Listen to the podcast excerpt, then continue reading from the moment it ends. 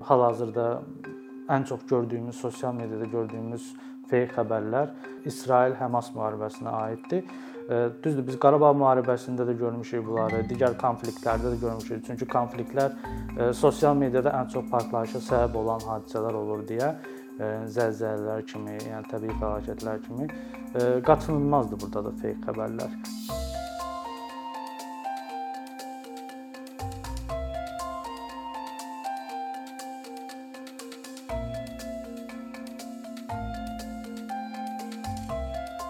Son zamanlar bizim dünyamıza girən əsas texnoloji fenomen süni zəkadır və biz süni zəkaya dair əlavə məlumatlara girməmişdən əvvəl gəlin kiçik bir tarixçəyə nəzər salaq.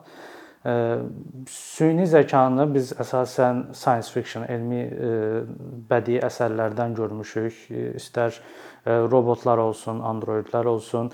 Biz həmişə bunu xəyalı ilə yaşamışıq, amma hazırki süni zəka adlanan fenomen əslində tam da bunu izah eləmir. Tam da bizim 50-ci illərdə, 70-ci illərdə olan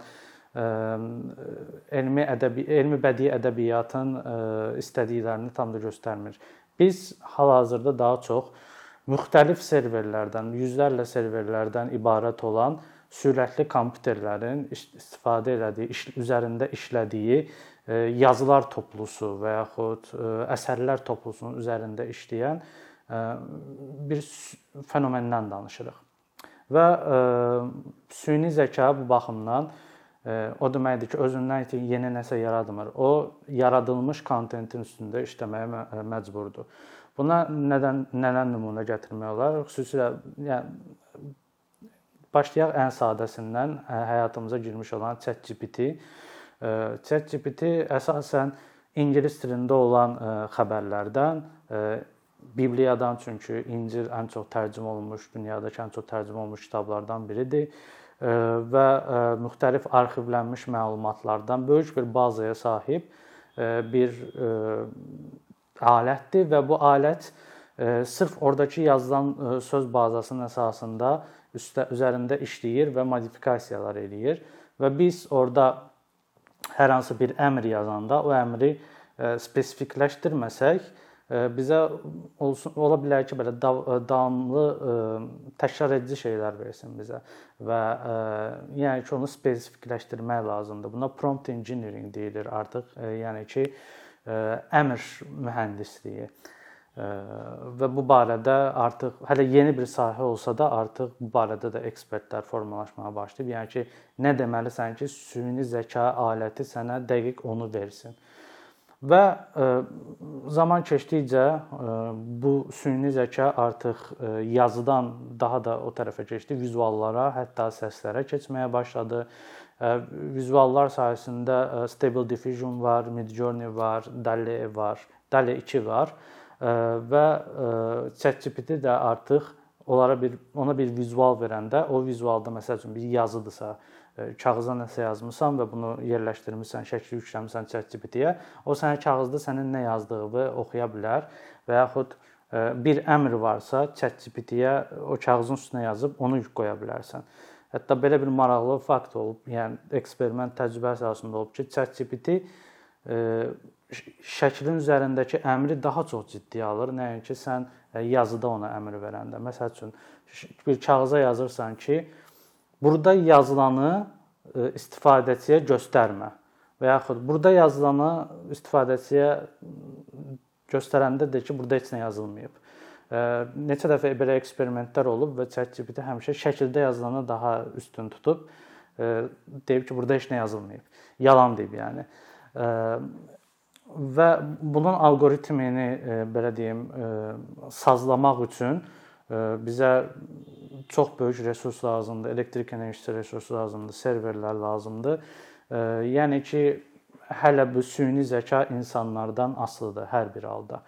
Bizim neftimizdən, qazımızdan asılıdır, bizim təbiətimizdən asılıdır, sudan asılıdır. Yəni süni zəka süni sözü burada əslində biraz ona əlavə dəyər qatır. Hələ də uzun bir yolun başlanğıcındayıq. Amma bu demək deyil ki, bunun bunların bundan hələ tam olaraq istifadə edə bilmərik hələ. Süni zəka bizə film barəsində məsəl üçün çox böyük köməkliklər edir. Artıq özü film düzəldən süni zəka, vizual yaradan süni zəka alətləri var. Özü mimika edən, məsəl üçün Joe Bidenın bir çıxışını biz ora yükləyirik və onun səs tembrlərini e, ölçür və bizim yazdığımız əlavə dəxlisiz bir mətni Joe Biden deyirmiş kimi onu səsləndirir. E, məsəl üçün süni intellektin, e, süni zəkanın artıq belə imkanları var. Və bu da istər-istəməz gəlir sosial mediada öz yerini tapır və onsuz da fake xəbərlərlə dolu olan bizim belə deyək, ana səhifələrimizi lap korlayır və bu uzun müddətli hallarda təhlükəli nəticələrə gətirib çıxara bilər. Məsəl üçün ən yeni nümunəni deyim mənsə, Slovakiyada bu yaxınlarda seçkilər oldu və hakimiyyətə belə ruspərəst bir partiya gəldi. Və bu seçki kampaniyasında əsas rol oynamış hadisələrdən biri oldu ki, süni zəkaya yalandan iki dialoq, iki iki nəfərin belə dialoqu yaradıldı və ətrafda belə sosial mediada yayıldı və fake news idi. Bəs siyasi söhbətlər edirdilər, yalan danışmalıyıq bu xalqa filan. İki nəfər güya açıq-açıq deyir ki, biz Slovak xalqına yalan danışmalıyıq və bunu rəqib partiyaya, müxalif partiyaya aid elədilər və bu sessiyalarda müəyyən bir rol oynadı. Hə, ola bilər ki, hər insan ə, başa düşməsin və yaxud çünki Slovak dili ingilis dili qədər ə, zəngin bir dil deyil. Ona görə də ə, çətinlik çəkə bilər süni zəka, amma yenə də ə, bunun imkanından müəyyən qədər istifadə elədilər həmin bu sağçı partiya. Və hal-hazırda hakimiyyətdədir seçkilərdən sonra. Və fakt yoxlayanlar bu halı yoxlayıb bunu açıq üstünə açana qədər artıq iş işdən keçmişdi, seçkilər olub bitmişdi. Yəni artıq gecdir. Biz bunu amma sadəcə bir case study kimi öyrənə bilərik. Amma bu iş dediyim kimi burada bitmir. Bizim hal-hazırda ən çox gördüyümüz sosial mediada gördüyümüz feyk xəbərlər xüsusilə İsrail-Həmas müharibəsinə aiddir. Düzdür, biz Qarabağ müharibəsində də görmüşük bunları, digər konfliktlərdə də görmüşük. Çünki konfliktlər sosial mediada ən çox partlayışa sahib olan, səbəb olan hadisələr olur deyə zəlzələlər kimi, yəni təbii fəlakətlər kimi qaçınılmazdır burada da feyk xəbərlər. Məsəl üçün bu yaxınlarda Türkiyədə böyük bir zəlzələ oldu, xatırlayırsınızsa, oradan çoxlu saxta belə süni zəka ilə, Midjourney ilə yaradılmış fotolar çıxdı, videolar çıxdı.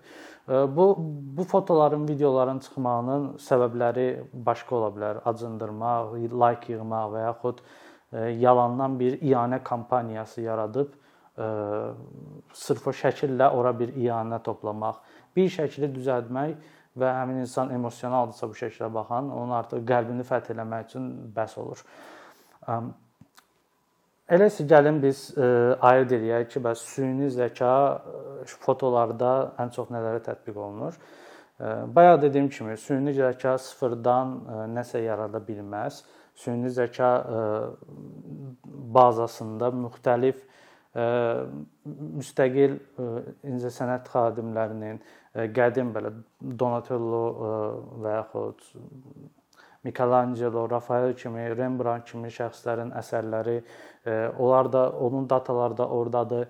E, yeni fotoqrafların, Rəna əfəndinin fotoları da ordadır. İnternetdə qabağımıza nə foto çıxıbsa, e, hamısının üzərində, yəni mümkün qədər onun üzərində işləyib, treyn eləyib və ona görə də biz ora bir əmr yazanda tutalım ki, mən tarixi yazılar, tarixlə bağlı yazılar çox yazıram, amma İstəmirəm ki, hər dəfə bir sənətçiyə pul verim ki, mənim üçün mən sıfırdan bir dənə Monqol əsgərinin portretini çək. Çünki mən bu yazımdan onsuz da pul qazanmayacağam. Niyə görə pul verim? Midjourney yazıram, bəs Mongol warrior. o mənə indiyəcən nə qədər bir Monqol əsgərlərinin kimsə portretlərini çəkibsə, rəsmlərini çəkibsə, bir Monqol şəxsinin fotosunu çəkibsə, onların hamısını toplayır, 4 dənə variant verir mənə və bu variantların üzərində işləyib onları belə sazlayaraq öz istədiyimi gələ bilərəm.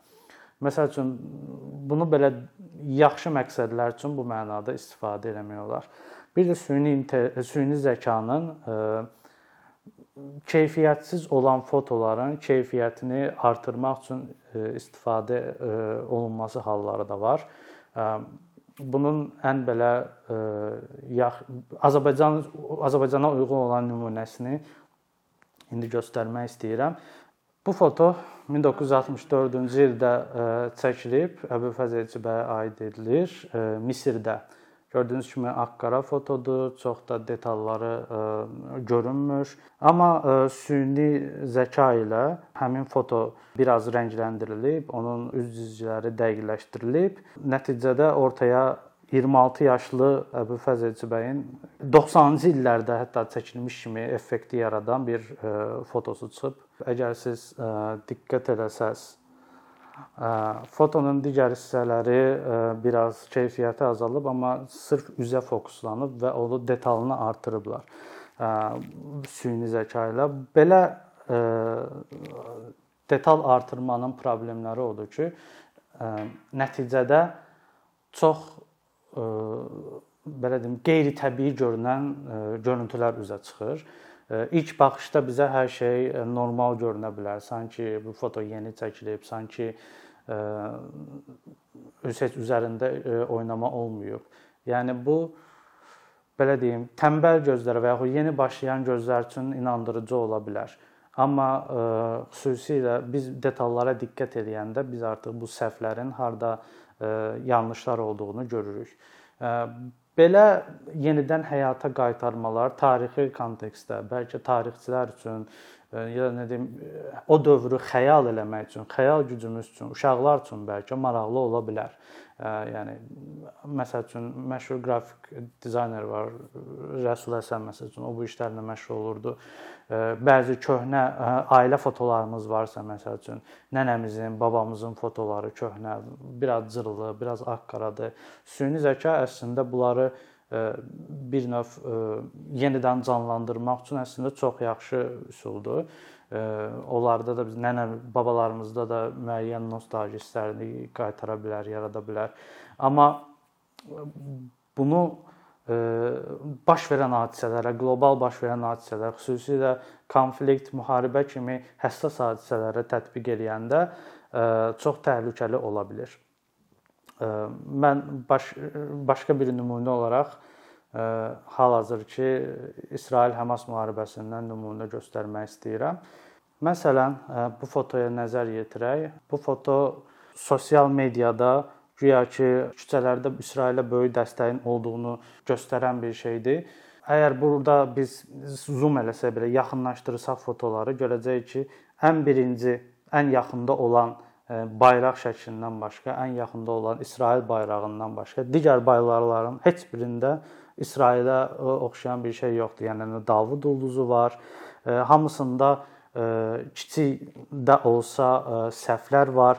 Bəzi insanlar ümumiyyətlə əlləri, ayaqları, başı heç bilinmir müəyyən fiqurlar var. Halbuki oyuncaq fiqurlardır. Uzaqdan insana elə görünür ki, burada həqiqətən də böyük bir marş var. Hətta kilometrlərcə marş var.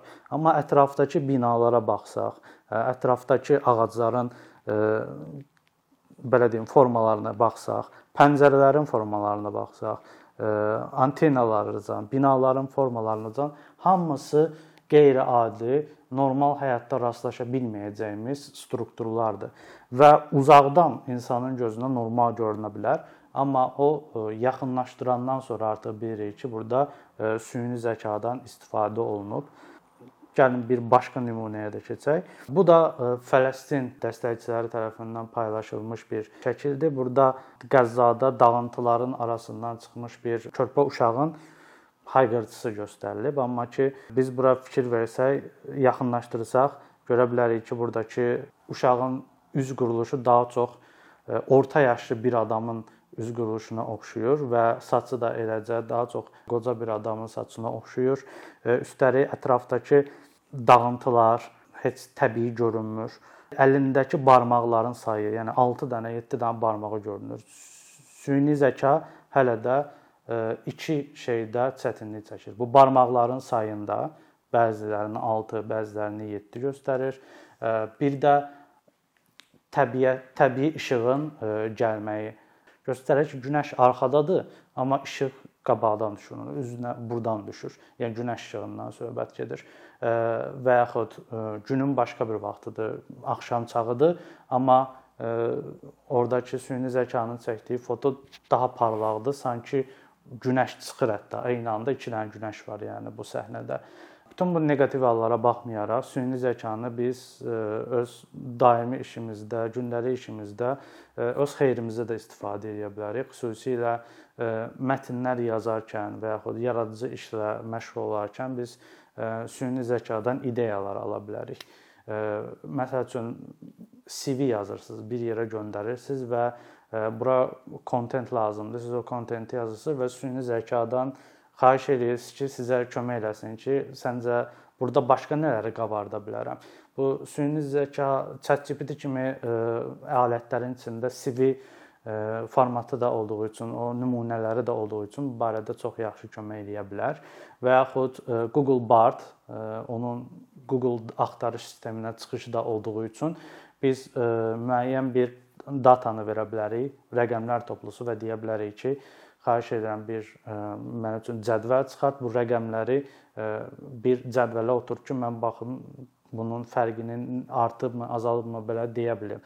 Yəni ki, biz e, əziyyətimizi azaldaraq öz məhsuldarlığımızı artıra bilərik süni zəkanın köməyi ilə, xüsusilə bank işçisisinizsə və yaxud mənim kimi jurnalistsinizsə, daim yazı pozu ilə məşğul olmalısınızsa, sizi çox qabağa atır. Və yaxud yenə deyirəm, siz bir tarix müəllimisiniz və tələbələrinizə slide show-larla öyrətmək istəyirsinizsə, Midjourney-dən istifadə edərək şəkilləri olmayan, fotoları olmayan, rəsmləri olmayan tarixi şəxsiyyətlərin necə göründüyü haqqında bir uşaqlara bir fikir sahibi eləmək üçün bu alətlərdən istifadə edə bilərsiniz. Süni zəkadan hələ bir qorxmağa ehtiyac yoxdur, amma ki bizim diqqətli olmağımızda fayda var, xüsusilə söhbət xəbərlərdən, saxta xəbərlərdən gedirsə, diqqətli olun.